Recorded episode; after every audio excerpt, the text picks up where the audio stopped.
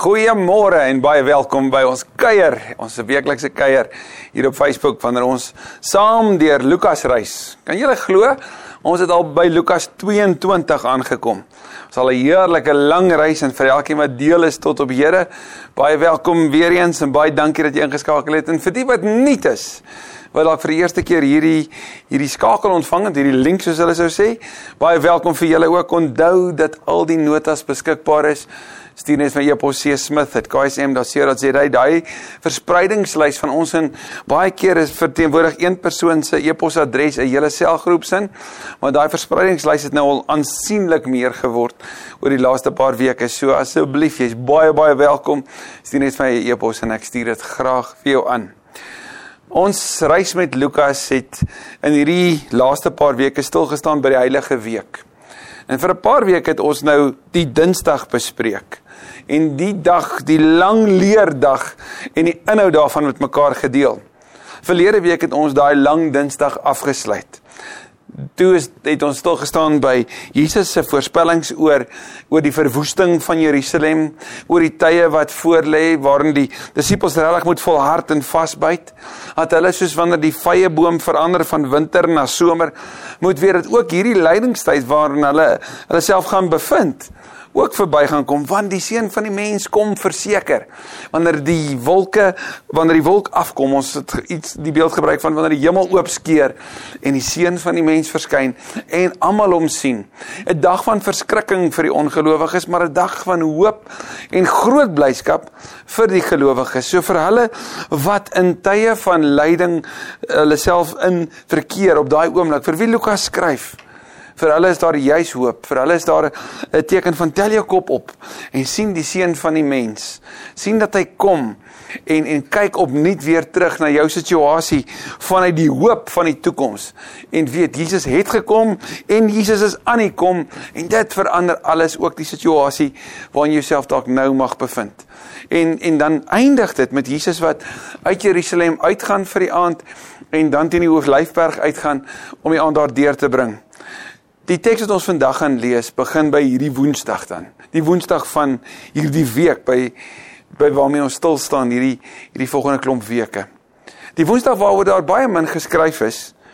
Die Woensdag wat ek vandag sou wou verklaar as die woelige Woensdag, waarin die donker maar waarin die Fariseërs, die Sadduseërs, skrifgeleerdes wat ons bekend wat bekend staan as die Sanhedrin woelig besig is om planne te maak. Maar mag ons wanneer ons ook nou bid vir die Here vra dat ons nie net nuwe dinge leer oor die teks nie, maar dat die Here ons sal kom ontmoet ook in deur sy woord in hierdie oomblik vandag. Dankie Here Jesus vir u woord. Dankie vir die verduideliking van u woord wat ons die voorreg het om in hierdie tyd mekaar te kan deel. Dankie dat u woord bevestig word. Dat ons een deel lees, maar daar is vier verskillende evangelies wat dieselfde gebeurtenis beskryf.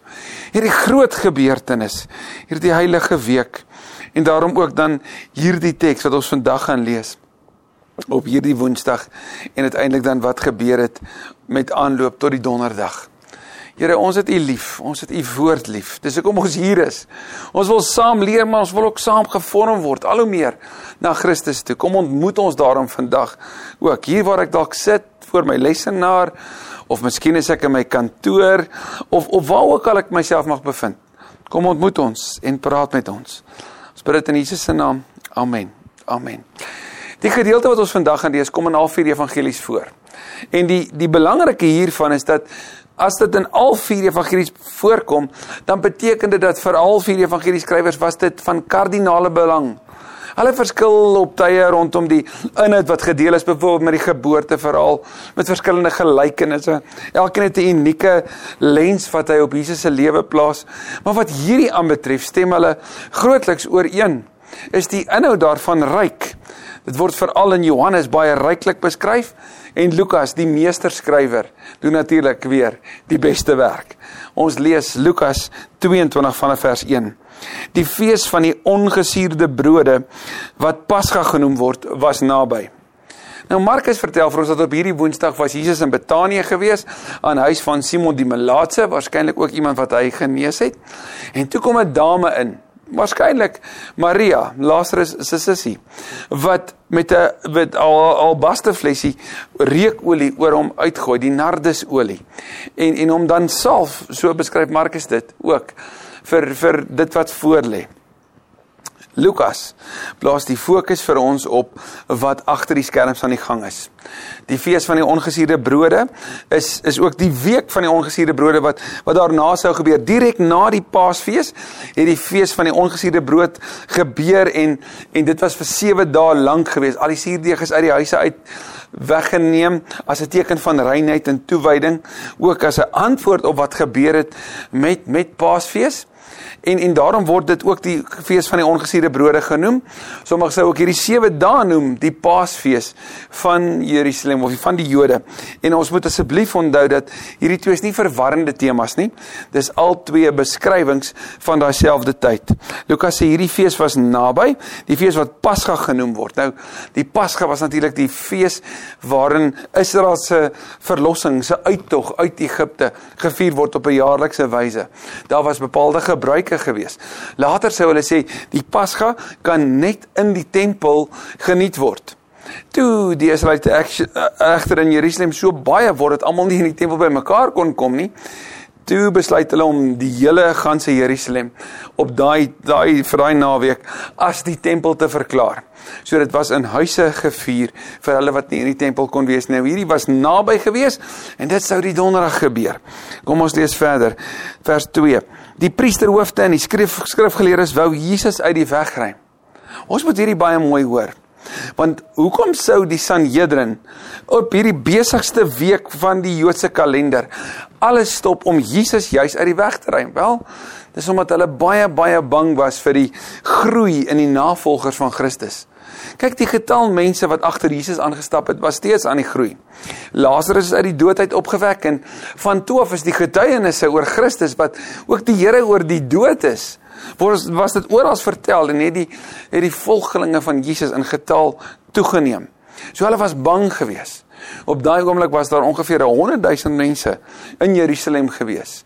Die stad het meer as verdubbel in grootte vanweer die pelgrims wat kom besoek het. Maar omdat hulle bang was vir die volk, het hulle nog nie ges, het hulle gesoek na 'n manier om dit te doen. Wat 'n interessante woord, bang, vrees.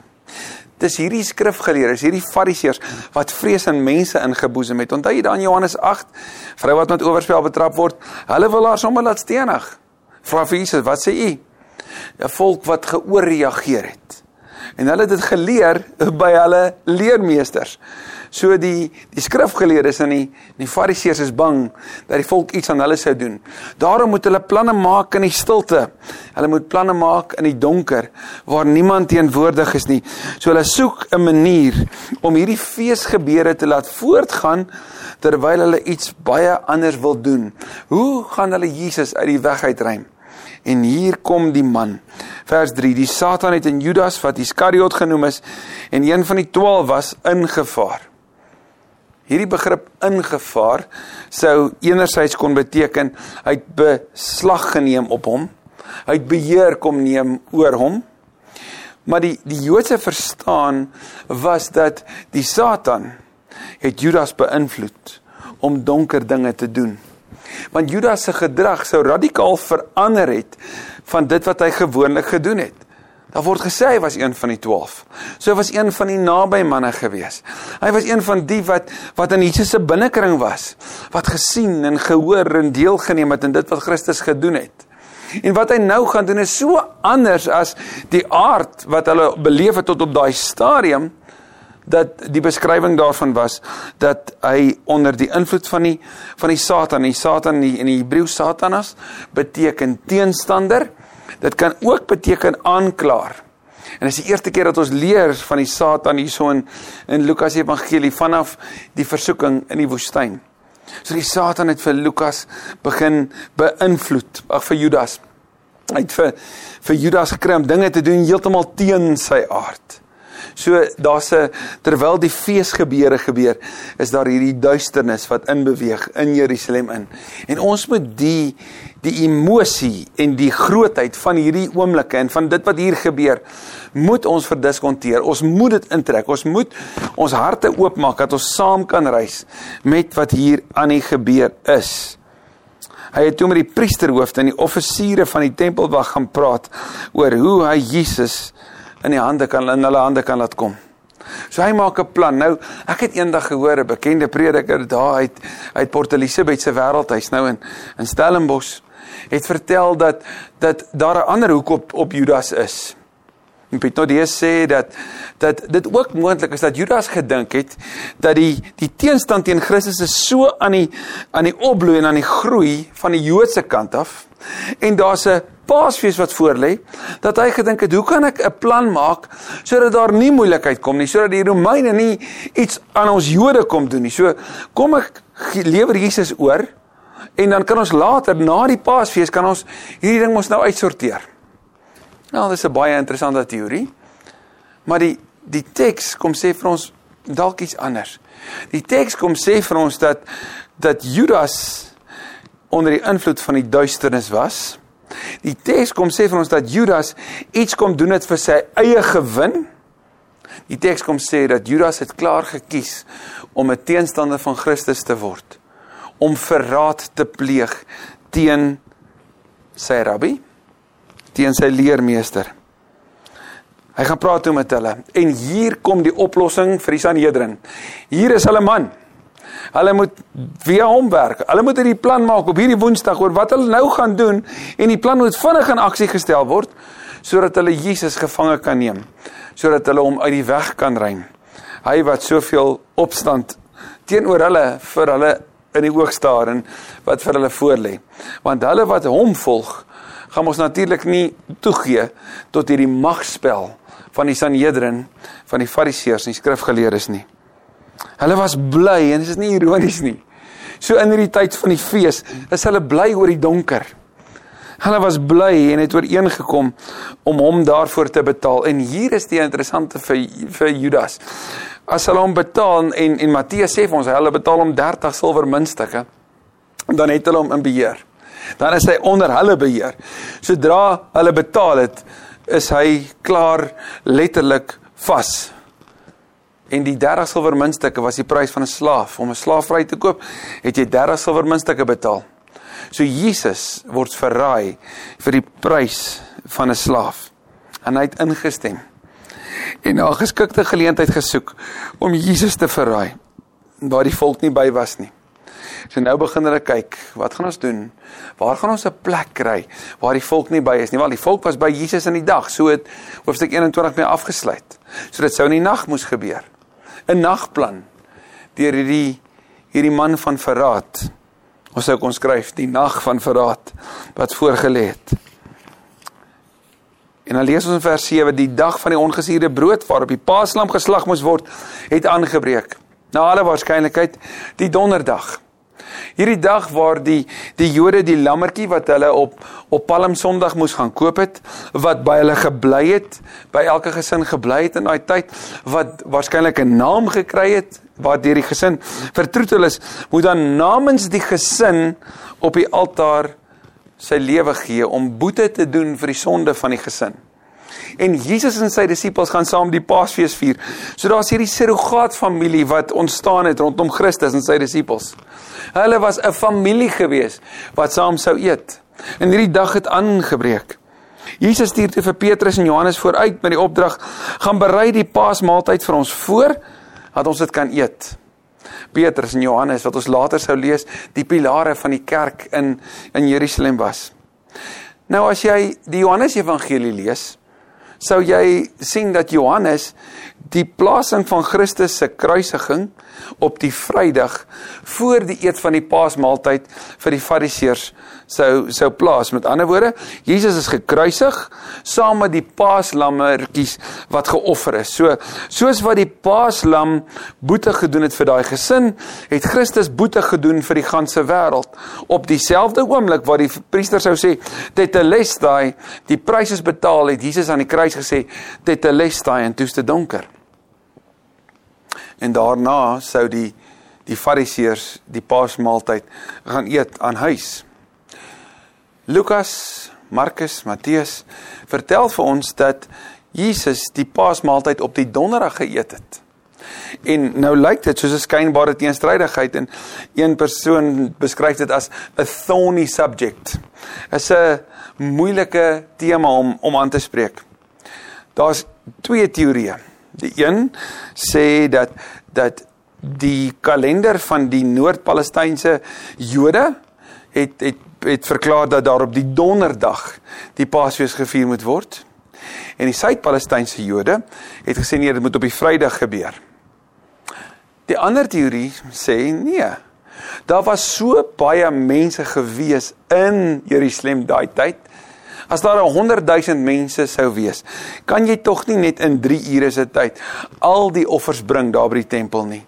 Dit was net 'n geweldige groot saak. So die Paasfees sou begin teen die donderdag met die offers en dan sou dit op die Vrydag klaar gemaak wees en wanneer die laaste lammetjie geslag is, wanneer die laaste lammetjie se se bloed uitgegiet is, sou die hoëpriester sê dit te lesdaai waar jy jouself ook al bevind hiermee, dis die oplossing vir hierdie situasie. Jesus stuur toe vir Petrus en Johannes uit en hulle moet gaan voorberei want die familie moet dit vier. En hulle vra toe vir hom, "Waar wil jy moet ons dit voorberei?" Hy sê toe vir hulle, "Kyk, net soos julle die stad ingaan, sal julle 'n man wat 'n waterkruik dra, sal julle hom daar ontmoet." Nou, hier is die belangrike. Vrouens het die waterkruik gedra, nie mans nie. Daar word vertel dat mans uit die Esseners gemeenskap, hulle het wel die waterkruike gedra is heel duidelik dat hierdie man sigbaar sou wees vir die disippels. Hulle sou nie gewonder het wie is hierdie man nie want 'n man dra nie 'n waterkruik nie en hierdie man sou onmiddellik sien. Vanaf Handelinge is dit moontlik dat hierdie man wat die waterkruik gedra het wel Johannes Markus was waarvan ons later die evangelie kry. En dit waarskynlik sy ma se huis was waar die nagmaal later gevier is, die Paasmaaltyd wat die nagmaal geword het. Belangrik wat Jesus sê, julle gaan hierdie man kry En natuurlik sal Johannes en Petrus vir ons kom sê later, dis presies wat gebeur het en dis hoekom ons dit hier kan leer. God se woord word waar. Gaan saam met hom, sê Jesus, tot in die huis waar hy ingaan. En sê vir die eienaar van die huis, ons leermeester vra u, waar is die kamer waar ek met my disippels die Paasmaaltyd kan eet? Ons leermeester. So heel moontlik is hierdie persoon ook 'n volgeling en en is daar klare kamer voorberei? Want ons lees dit in vers 12 en hy sal julle 'n groot bovertrek wys wat klaar daarvoor ingerig is. Daar moet julle dit voorberei. So op hierdie donderdag is dit die opdrag wat hulle kry. Hulle het gegaan en dit gekry net soos Jesus vir hulle gesê het en die paasmaaltyd voorberei. Nou geliefde maak net jou sensoriese deel van jou liggaam nou net wakker. Ryk die brood. Ryk die gebraaide skaapvleis beleef die fees. Beleef die die opgewondenheid oor die oor die Messias wat on, in die midde van die van die disippels is. Die groot verwagting wat hulle het van van bevryding van verlossing van feesviering terwyl hulle oor die uittog ook praat. Ruik dit beleef dit toe dit tyd was, het Jesus aan tafel gegaan. Dit beteken nie hy het sy stoel geneem en gaan sit soos wat ons dit doen nie. Nee, hulle het so op die linker elmboog gelê en met die regterhand het hulle dan geëet en die brood in die sous gedoop. So Jesus het gaan lê, die tyd, die aura, soos die Griek sê, was daar. Die aura het gekom en hy het gaan lê. En die apostels saam met hom. Lukas verwys 5 keer na hierdie baie spesifieke spesiale groep disippels as die apostels, die gestuurdes wat later ook die leiers in die kerk sou wees. Hy sê toe vir hulle: "Ek het baie daarna uitgesien om hierdie Paasmaaltyd saam met julle te eet voordat ek ly. Ek het uitgesien om hierdie spesifieke Paasmaaltyd. Weet julle hoekom? Want hierdie Paasmaaltyd verander alles. By hierdie Paasmaaltyd gaan die groot openbaring van wie Christus is, gaan vir hulle gebeur. Gaan hulle iets kry, 'n maaltyd kry waar rondom hulle in die toekoms en ons vandag nog so Sondag wat verby is vandag nog om 'n tafel kan sit en kan vier. Christus is met ons uit sy lewe vir ons gegee. Jesus hierdie maaltyd gaan anders wees as die ander. Hierdie maaltyd staan uit en ek het daarna uitgesien. Ek sê vir julle, ek sal dit nie weer eet voordat dit in die koninkryk van God sy volle betekenis kry nie. Toe dit tyd was, het Jesus dit gedoen. Jesus het die beloftes van God in tyd kom vervul. In tyd het hy kom sê, maar dit wys op my Hy sê ek sal dit nie weer eet voordat die koninkryk van God sy volle betekenis kry nie. So Jesus kyk vorentoe. So nie net in tyd het Christus dit vervul nie, hy het dit ook in die eindtyd kom vervul. Hy wys ons ook op die eindtyd. Hy sê daarna neem hy die beker, spreek die dankgebed uit. Hierdie was die derde beker. Nou die Paasmaaltyd van die Jode het gewoonlik as volg gebeur. Die die die groep, die gesin het aan tafel gaan lê Hulle het die die die die gebed gesê, die seëngebed uitgespreek. Dan het hulle die die sous, die brood geneem en in die bitterkruie gedoop en geëet en geproe en, en iets gesê van die van die bitterheid van die lewe wat dit hoe dit was vir Israel in daai tyd. Hulle sou een van die psalms gesing het, daar 113, 14, 15 en dis meer die Hillel psalm sou hulle gesing het. En en dan sou die die leier, die hoof, die pa van die van die gesin sou dan 'n brood gevat het en op sy gesit het. En die oudste seun sou gevra het: "Pa, hoekom is daar 'n plek oop?" En dan sou hulle die die verhaal vertel van die uittog en hulle sou die stories gedeel het. Daarna sou hulle bid. Hulle sou hulle hande was, is waarskynlik op op hierdie handwas gebeurtenis waar Jesus volgens Johannes 13 dan die voete van sy disippels was. Hulle sou begin eet het deur weer brood in die sous te doop. Waarskynlik hierdie doop van brood in die sous wat waar Judas sigbaar word vir die ander as die verraaier. En en en dan sou hulle aan die lamsvleis gesmil het. Hulle sou uiteindelik die die lelpsalms klaar gesing het en met fees gebeure die maaltyd afgesluit het. Hy Jesus sê hy, hy neem die beker is waarskynlik die derde beker is waarskynlik die beker van danksegging op hierdie oomblik en en hy spreek die dankgebed uit. Hoe mooi dat Jesus sê dit is die laaste beker. En hierdie beker is 'n dankbeker.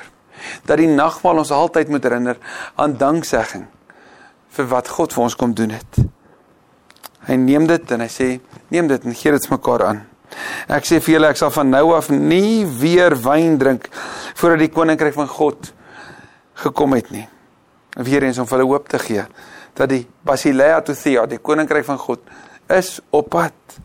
Toe neem hy brood, spreek die dankgebed uit, breek dit en hier hier verander die Paasmaaltyd in die nagmaal. Hier begin die Nuwe Testament. Hier op hierdie oomblik. Tot en met hier was dit die Pasga gewees, die Paasmaaltyd.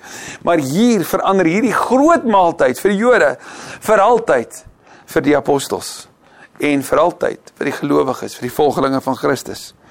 Hy spreek dit uit, hy breek dit en hy gee dit vir hulle met die woorde: "Dit is my liggaam wat vir julle gegee word.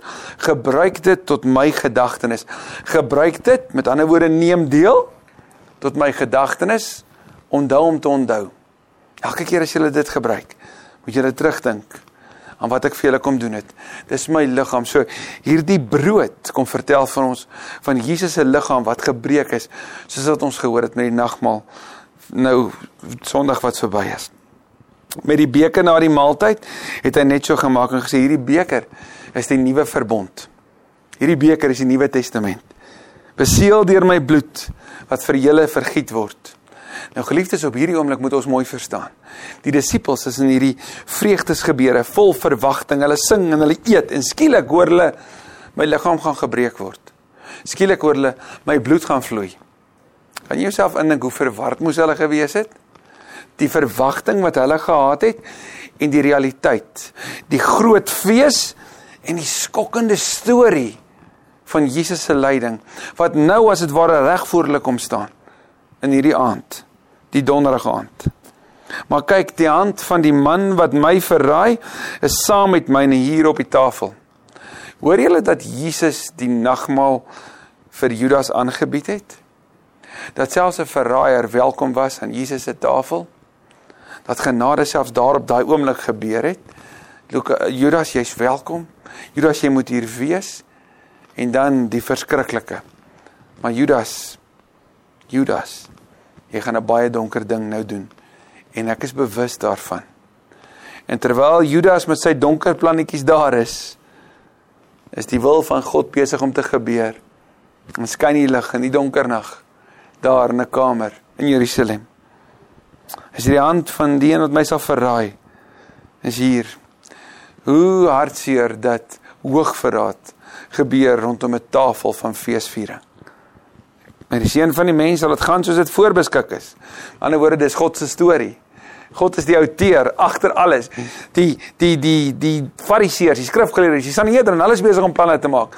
Die Satan het sy plan, maar die Here God, die groot outeur, het voorbeskik dat die plan van redding sal volvoer word aan die kruis. Maar weer die man deur wie hy verraai word. Toe begin hulle vir mekaar uitvra wie van hulle so iets sou kon doen. Geliefde in die Here, mag ek en jy by die tafel van genade gaan sit. Mag ons weer opnuut bewus wees van die brood wat gebreek is. Jesus se liggaam gebreek tot volkomme verzoening van al ons sonde. Van die bloed wat gevloei het, Jesus se bloed, tot volkomme verzoening van al ons sonde. Mag ons onthou dat soos Darrelbach sê, Luke loves meals. Jesus om 'n tafel altyd bymekaar is. Die Paasmaaltyd is die sewende maaltyd in die Lukas Evangelie en hierna is daar nog twee na die opstanding. Jesus is teenwoordig aan tafel. Mag ek en jy ook in die tafels van ons lewe weet dat Christus se genade is ook daar sigbaar. En die van julle wat deel in die kospakkie projek waarmee ons besig is, wat maaltye voorberei om om die die mediese werkers te gaan bedien en te gaan ondersteun met maaltye. Mag ons weet dat die Here ook in daai maaltye by hulle gaan sigbaar wees. Want genade gebeur met die deel van van etes. Jesus word sigbaar wat brood gebreek word. Nou miskien is dit juis vandag vir jou en my ook nodig om te weet dat hoe donker dit ook al hier binne in my is Die Here nooi my na sy genade tafel toe. Dankie Here Jesus vir hierdie groot gebeurtenis. Ons het 'n magtom inligting wat ons tot ons beskikking het om die diepte van daai dag, van daai aand in te neem. Jy weet, ons het waarskynlik nodig om weer en weer en weer terug te gaan sodat dit regtig in en deur ons kan spoel en in ons lewens so kan aangryp soos wat dit moet. Maar dankie dat ons vandag net so 'n flitsende kyk kan kon hê op die grootheid van daai aand. Op die verwarring in die disippels se en die apostels se se lewens en gedagtes. Maar dat ons kan hoor God se voorbeskikte plan was besig om uit te speel. Alhoewel daar rolspelers was met hulle eie vrye wil. En die groot outeur sy storie geskryf. Dankie dat dit ook waar is van ons. In Jesus se naam. Amen. Amen. 'n baie mooi dag vir jou